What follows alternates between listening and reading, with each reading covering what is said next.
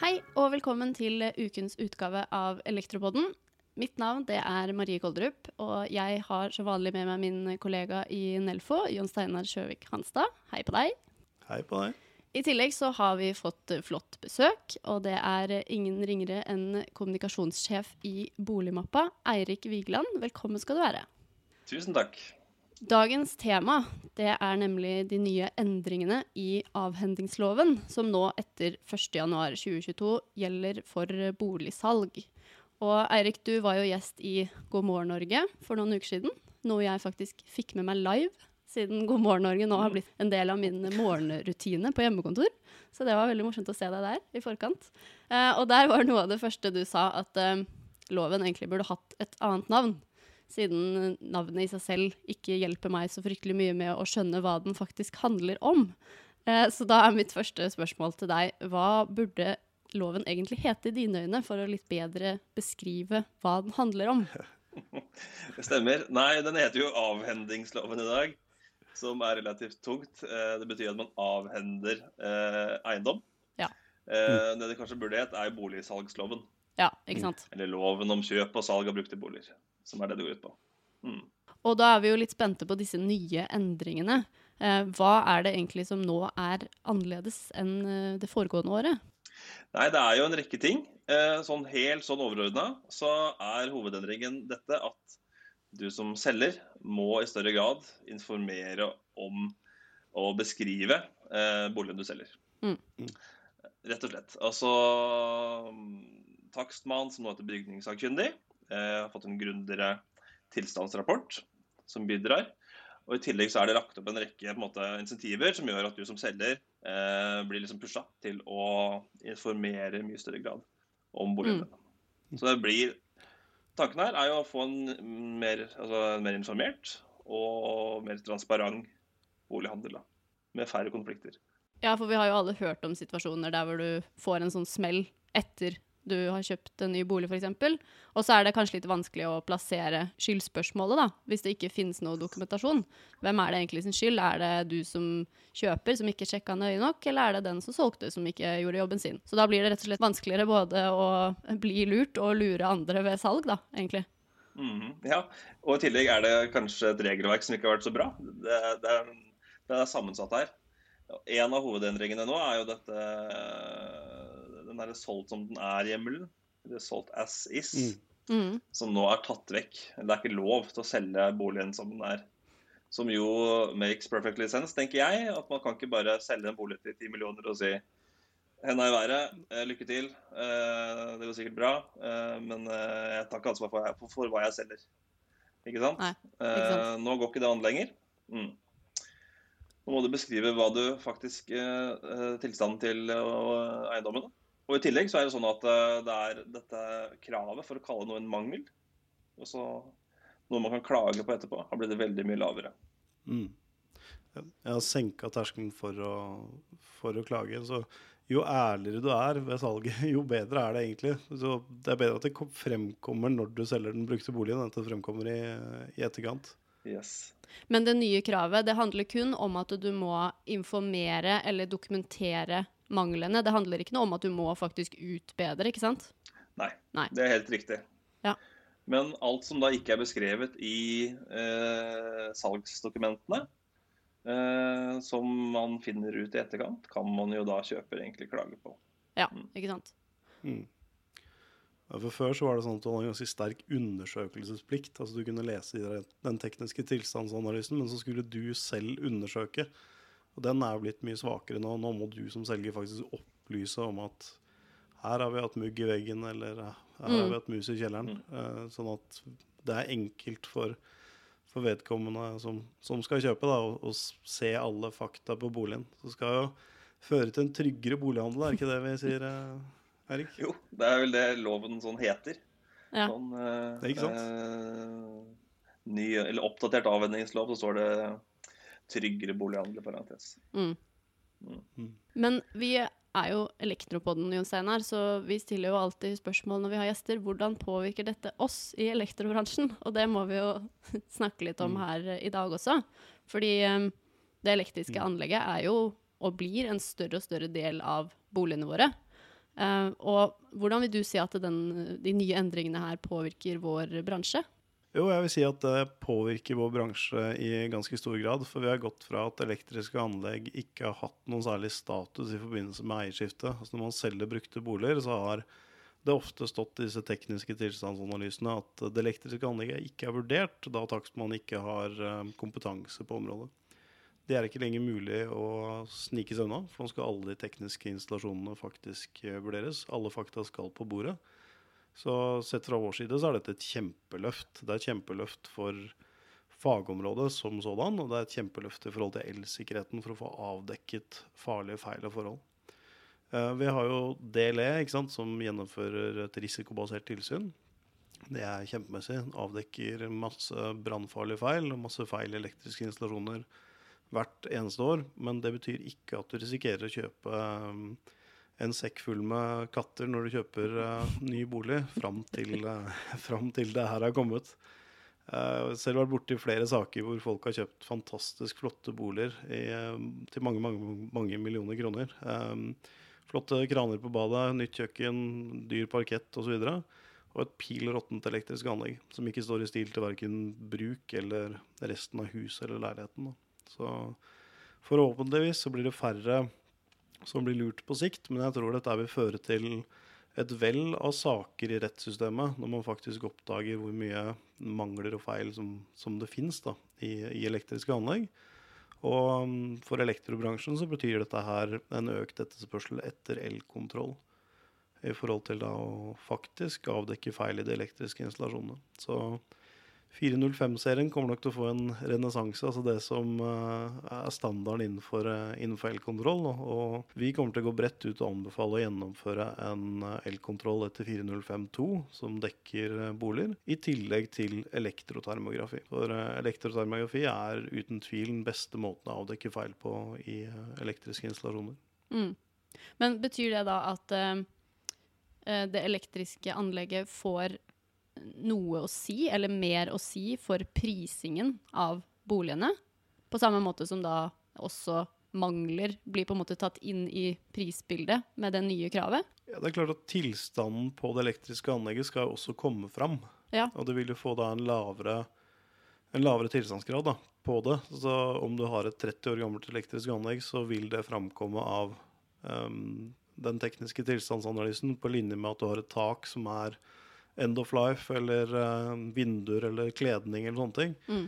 Og folk har jo generelt vært veldig opptatt av råte på badet. Baderom er dyrt. ikke sant? Det koster 350 000 for et nytt bad, og det er kjempeproblematisk å, å få rettet opp osv. Det er jeg fullstendig enig i. Utfordringen med elektro er at du ser ikke et dårlig elektrisk anlegg. Da. Det er vanskelig visuelt kontrollere et elektrisk anlegg og si at dette er bra eller dårlig. Mm. Eh, når det er så dårlig at du ser det, da, da har du et virkelig dårlig anlegg. Altså. Ja, og det er jo på tide at det tas inn i betraktninga, da. Fordi et bygg med et helt splitter nytt elektrisk anlegg og kanskje elbillader, batterier, solceller, det har jo en litt annen prislapp enn et gammelt bygg med et gammelt elektrisk anlegg og uten disse tilleggsfunksjonene, da. Så det er jo på en måte på tide at det tas inn i beregninga, syns jeg. Jeg tror ikke det er på treverk og isolasjon vi kommer til å se den største veksten de nærmeste årene, for å si det sånn. Jeg tror nok det er på solceller og elbiler og, og elektriske installasjoner. Altså den tekniske installasjonen i boligen, den kommer til å øke i verdi. Det er vi helt 100% sikre på. at den kommer nok også til å ta igjen uh, stål og betong og treverk og isolasjon og, og vinduer. Også. Det, det, er jeg ganske sikker på. Mm. En annen ting som de nye endringene påvirker, er vel dette med svart arbeid, Eirik. Kan du si litt om det? Ja. Øh, det er noe vi mener sterkt. Øh, at denne loven her, øh, eller den oppdaterte loven og den nye forskriften som takstmenn har fått, til sammen vil det bidra til å skape en tryggere bolighandel, tror vi. Det blir mer transparens rundt eiendommen som selges. Men det vi også tror, er at det vil bli en økt etterspørsel etter håndverkere, fagfolk som dokumenterer arbeidet sitt. Mm. Fordi det er nå blitt verdipapirer, ikke sant. Mm. Mm. Har du oppdatert elanlegget ditt, men ikke har papirene i orden, så vil jo den bygningssakkyndige ja, sikkert få innhenta innhente elkontroll, men man vil sannsynligvis få en lav tilstandsgrad. ikke sant? Og det gjelder alle bygningsdelene i boligen. Uh, så Derfor tror vi i boligmappa at uh, den nye avvenningsloven kan bli et av de beste tiltakene mot svart arbeid egentlig på lang tid. For det er helt, helt konkret. Det er som en slags EU-kontroll boligen må gjennom. Mm. Har den ikke de papirene, så kan man liksom tenke seg sjøl hva er det som har skjedd her, egentlig. Om har noen fikla på ting sjøl, eller uh, ja. Mm. Syns du sier veldig mange fine ting her, Erik. Både EU-kontroll og verdipapir. Det er sånne ting jeg liker å, liker å høre. Dette, ja. dette, her med elkontroll og, og, periodisk kontroll av installasjoner, det er uh, utrolig viktig. Hvis man skal heve elsikkerheten og få bukt med problemer, så tror jeg det å ha en jevnlig kontroll av ting, at man faktisk går gjennom den elektriske installasjonen på jevnlig basis, sånn som på en bil, det tror jeg kan løse veldig mye. Definitivt. Mm. Og her er jo på en måte, tenker jeg, liksom elektriker- installatørbransjen i en særstilling, fordi det har vært dokumentasjonskrav mm. eh, mm. over lang tid. Altså, denne bransjen vet å dokumentere. Så når vi er ute og snakker om dokumentasjon til mm. rørleggere og murere og tømrere, så sier vi se til elektrobransjen. Mm. De har skjønt det. Og med det så har man også klart å verne om bransjen sin. Mm. På en helt annen måte. Så vi tror at dette er Guds gave vi har til hele håndverksbransjen og kampen mot svart arbeid. Ja. ja og det, det, du sier om verdipapir er utrolig viktig. For vi ser jo det at en del uh, kunder somler bort dokumentasjonen. da, i, i, form av at de ikke skjønner at det er et verdipapir. De har fått en regning, og så kanskje dokumentasjonen til og med er skrevet på baksiden av regninga. Eller mm. ligger med som et vedlegg, eller ligger et eller annet annet sted i sikringsskapet. Så de blir jo liksom mm. overraska når de kommer og tilsynet kommer og det faktisk ligger noen papirer i sikringsskapet. Hva, hva, gjør de der? Hva er dette for noe? Um, ja. Og i verste fall så har de jo ikke den dokumentasjonen. Og det er klart, da har du et anlegg som har en vesentlig lavere verdi enn hvis det er dokumentert og gjort av fagfolk, og ikke minst at du har handla hvitt. da. Det også er uh, en viktig del oppi der. Da. Mm. Og det bringer oss jo perfekt over på neste tema, som er da hvor skal man putte all denne dokumentasjonen hen? Og det er kanskje et litt ledende spørsmål, i og med vi har boligmappa med oss her. Men uh, hvis du skulle anbefale et sted å putte det, Eirik, hvor ville du lagra din dokumentasjon? Nei, det måtte vært en uh, pappeske på loftet. Ja. ja Ring, ringperm. ringperm, ja. Nei, Jan Steinar, det var en lissepasta inne der. Med ja, dokumentasjon bak på fakturaen og inn i sikringsskapet og generelt. Mm. Uh, nei, jeg vil anbefale boligmappa som et godt system. Uh, ja. Å, å lagre dokumentasjon. Mm. Boligmappa er på en måte boligens servicehistorikk. Mm. Hvor håndverkere innen alle fag dokumenterer det de gjør. Du kan sjøl laste opp ting hvis du måtte ha fått noe på papir. Ta et bilde av det og laste opp, og til sammen blir dette en komplett eh, eh servicehefte, kaller vi det nesten, da, for boligen. Mm. mm. Eh, som er nyttig eh, for egen del i høyeste grad, men det blir jo veldig aktuelt når man skal selge. Mm. Og sånn det er nå, er at både takstmann, eller takstmann, bygningssakkyndig, kan få tilgang direkte. For han må kontrollere dokumentasjonen du som boligeier i tilgang eh, når du skal fylle ut egenerklæringsskjema når du skal selge. Så får du f.eks. spørsmål om eh, har, du, har du pussa opp badet. Så svarer du ja. Har du gjort det ordentlig? Så svarer du ja. Og så holder ikke det lenger. Nå du, kan du dokumentere det. og Da er det kobla direkte til boligmappa. Mm. Eh, på den måten gir det på en måte verdi eh, indirekte. da. Mm. Men eh, betyr det at alle har uh, en boligmappe, eller er det noe man må opprette? Ja, alle har en boligmappe. Eller ja. det vil si, uh, ingen har en boligmappe, men alle eiendommer har en boligmappe. Mm. Ja. Hvis du logger deg inn på boligmappa, Marie, uh, ja. så bruker vi bank-ID. Og da får vi personnummeret ditt. Og da gjør vi et oppslag i eiendomsregisteret, og så, så, så, ser vi hvilke eiendommer er det du eier. Ja. Eier du en leilighet og f.eks. en del av en hytte, så har du to boligmapper. Ja. Så alle, alt som har et gårds- og bruksnummer, har en boligmappe. Mm. Men Betyr det at hvis uh, han som uh, eide leiligheten før meg, var flink til å laste opp dokumentasjon, så får jeg også den når jeg tar over leiligheten? Yes. Ja. Det er det det gjør. Så dataen, eller dokumentasjonen, følger eiendommen mm. over tid. Ja. Det er liksom noe av uh, the beauty of it, på godt norsk. Men uh, for det, da kan jeg melde at uh, han forrige eieren av denne leiligheten var ikke så flink.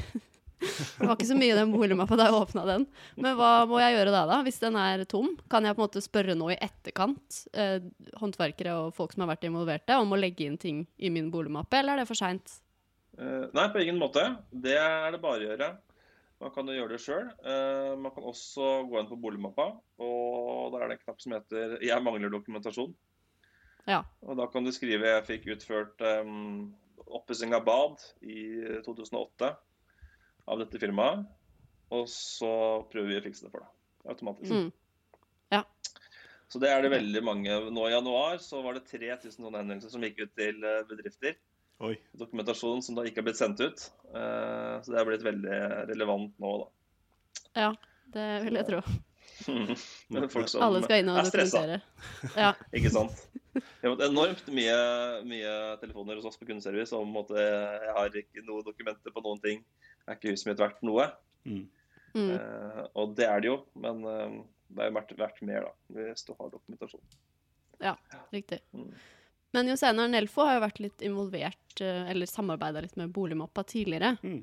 Um, hvorfor har det på en måte vært en naturlig link? Altså, vi var jo med å starte Boligmappa i sin tid. Og Mm. på um, et tidspunkt på veien så ble det tatt en strategisk beslutning på å selge seg ned for å, for å få flere inn på, på eiersiden der og få det bredt ut, rett og slett. Altså få inn store aktører for å få dette her opp i, opp i volum.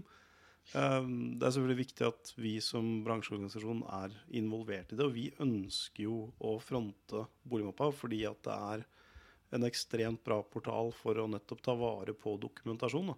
Og nå viser det Mm. seg jo, dette her er jo en Kan vi jo virkelig sprette champagnen for, at man begynner å kreve dokumentasjon på elektriske installasjoner også ved um, eiendomsoverdragelse. Fordi Daily har jo selvfølgelig etterspurt dokumentasjon i, i all tid, men når det begynner å få en lavere verdi på boligen din, hvis du ikke har dokumentasjon, da begynner boligmappa virkelig å komme til sin rett. Og det Mm. var jo på en måte mye av grunnlaget for det, er at man ønsker et sted å legge dokumentasjonen, sånn at dokumentasjonen følger boligen og ikke eieren. Nettopp sånn at når du åpner en boligmappa, så forsvinner ikke samstandserklæringa til en eller annen surrebukk som ikke har, eh, har fått tak i det eller lagt det inn der, da, sånn at den blir på en måte borte. Da overtar du verdien av det i en mappe. Og du får Mm. heller ikke muligheten til å tukle med den samsvarserklæringa. For det er det den installatøren som har lagt inn den gangen, som har lagt på det matrikkelnummeret og i den boligmappa, og, og ferdig med det. Mm. Eh, Vi har jo krav på oss uh, gjennom fellen, uh, forskrift om elektriske lavspenningsanlegg, å oppbevare dokumentasjonen i fem år. Eh, sånn at um, tidligere kan jo ringe og henvende seg, og så kan de få dokumentasjonen. Um, det kan man selvfølgelig ta betalt for hvis man allerede har sendt den, men det kan ofte oppstå en sånn klønete situasjon. Da har du Mm. levert den i boligmappa, så er det bare å si den ligger i boligmappa. Gå inn her, så ligger all dokumentasjonen på, på den jobben jeg har gjort. Så du, du sparer deg for en del sånn hassle på håndverkersiden òg, ved at du på en måte har levert alt fra deg, og ting er, er enkelt og greit. Mm. Og så er det et tilleggsaspekt der eh, som mange syns er bra, er det at man legger jo igjen sitt digitale spor på alle Mm. eiendommene man har jobba på. Mm. Og Mm. det vil stå da for eksempel hos meg etter Slagen Elektriske har jobba hos meg. og Hvis jeg selger boligen min, så kan de gå og sjekke hva det var Slagen Elektriske som har fiksa avfallssprederen. Da hører jeg med de igjen. Da Mm. er det som en form for å skape gode, lange kundeforhold og Ja, absolutt. mm. Og så er det jo i tillegg eh, eh, brukers ansvar å oppbevare den dokumentasjonen. Ja, det er jo selvfølgelig eh, elektroinstallatøren som skal utstede dokumentasjonen og overgi den. Men når du har fått dokumentasjonen i hånda, så er det ditt ansvar å oppbevare den. Sånn at hvis du da roter den bort, så er det jo ditt problem, på en måte. Da Mm. har jo elektrikeren gjort det han skal. Så hvis du da lagrer det digitalt, så hjelper du deg selv veldig i Mm. framtida. Istedenfor å putte det i en pappeske på loftet, da. Definitivt. Mm. ja. Og det er det veldig mange som ikke vet, at de er pålagt egentlig å oppbevare disse dokumentene. Ikke sant? Ja, jeg bare tenkte på en ting. eh, Eirik, dette her med boligmappa. Er det sånn at alle håndverksbedrifter har muligheten til å ringe dere og få en eh, profesjonell tilgang på, på boligmappa? Nei, det er det ikke. Eh, Vi pleier å si at boligmappa.no for deg og meg, det er, det er for alle. Men boligmappa for håndverkere er ikke for alle. Det er eh, for de som driver seriøst, som vi sier. Eh, vi stiller strenge seriøsitetskrav for å få tilgang, og nesten daglig så sier vi nei til bedrifter som ønsker å komme i gang. Fordi de ikke tilfredsstiller én eller flere av disse kravene. Mm. Så, så, så, så det vi sjekker, er uh, fagkompetanse. Du må ha minimum fagbrev. Mm. Du må drive uh, ha en sunn økonomi. Uh, positiv soliditet, som det heter. Mm. Det skal også helst være et AAS. Og så er det noen andre sånne Ja. ting som vi sjekker. Um, som, ja. Mm. Så det er ikke for alle. Mm. Da vet man at den som kommer hjem til deg, har kvalifikasjoner og i hvert fall betalt eh, skatt og moms og er registrert. Og det er, eh, det er kjempemessig. Det hindrer svart arbeid. Det, Mm. det er veldig, veldig bra. Ja, definitivt. Og det er jo de som dokumenterer. Og nå er det rundt eh, nesten 5000 bedrifter da, som bruker boligmappa. Og får man dokumentasjon der, så vet man at det kommer da fra en seriøs kilde. da. Så bra. Hvor mange boligmapper er det? Sånn cirka? Det er nesten to millioner oppretta ja. boligmapper. Oi. Uh, og det er jo sånn 2,6-2,7 millioner boliger i Norge. Wow. Så det er blitt ganske mange. Uh, men vi er ikke så mange som har logga seg inn og sjekka sin boligmappe. Nei. Så det er mange boligmapper som er oppretta, eller som for å bli telt, så må enten en håndverker eller en eiendomsmegler eller noen har lasta noe opp. Mm. Da blir den aktivert, eller så må en boligeier ha logga seg inn. Mm. Ja. Så det er nå oppunder 700 000 nordmenn som har logga seg inn med BankID og vært i boligmappa. Så det er da over en million boligmapper med godt innhold fra håndverkere som bare venter på å bli oppdaga. Mm.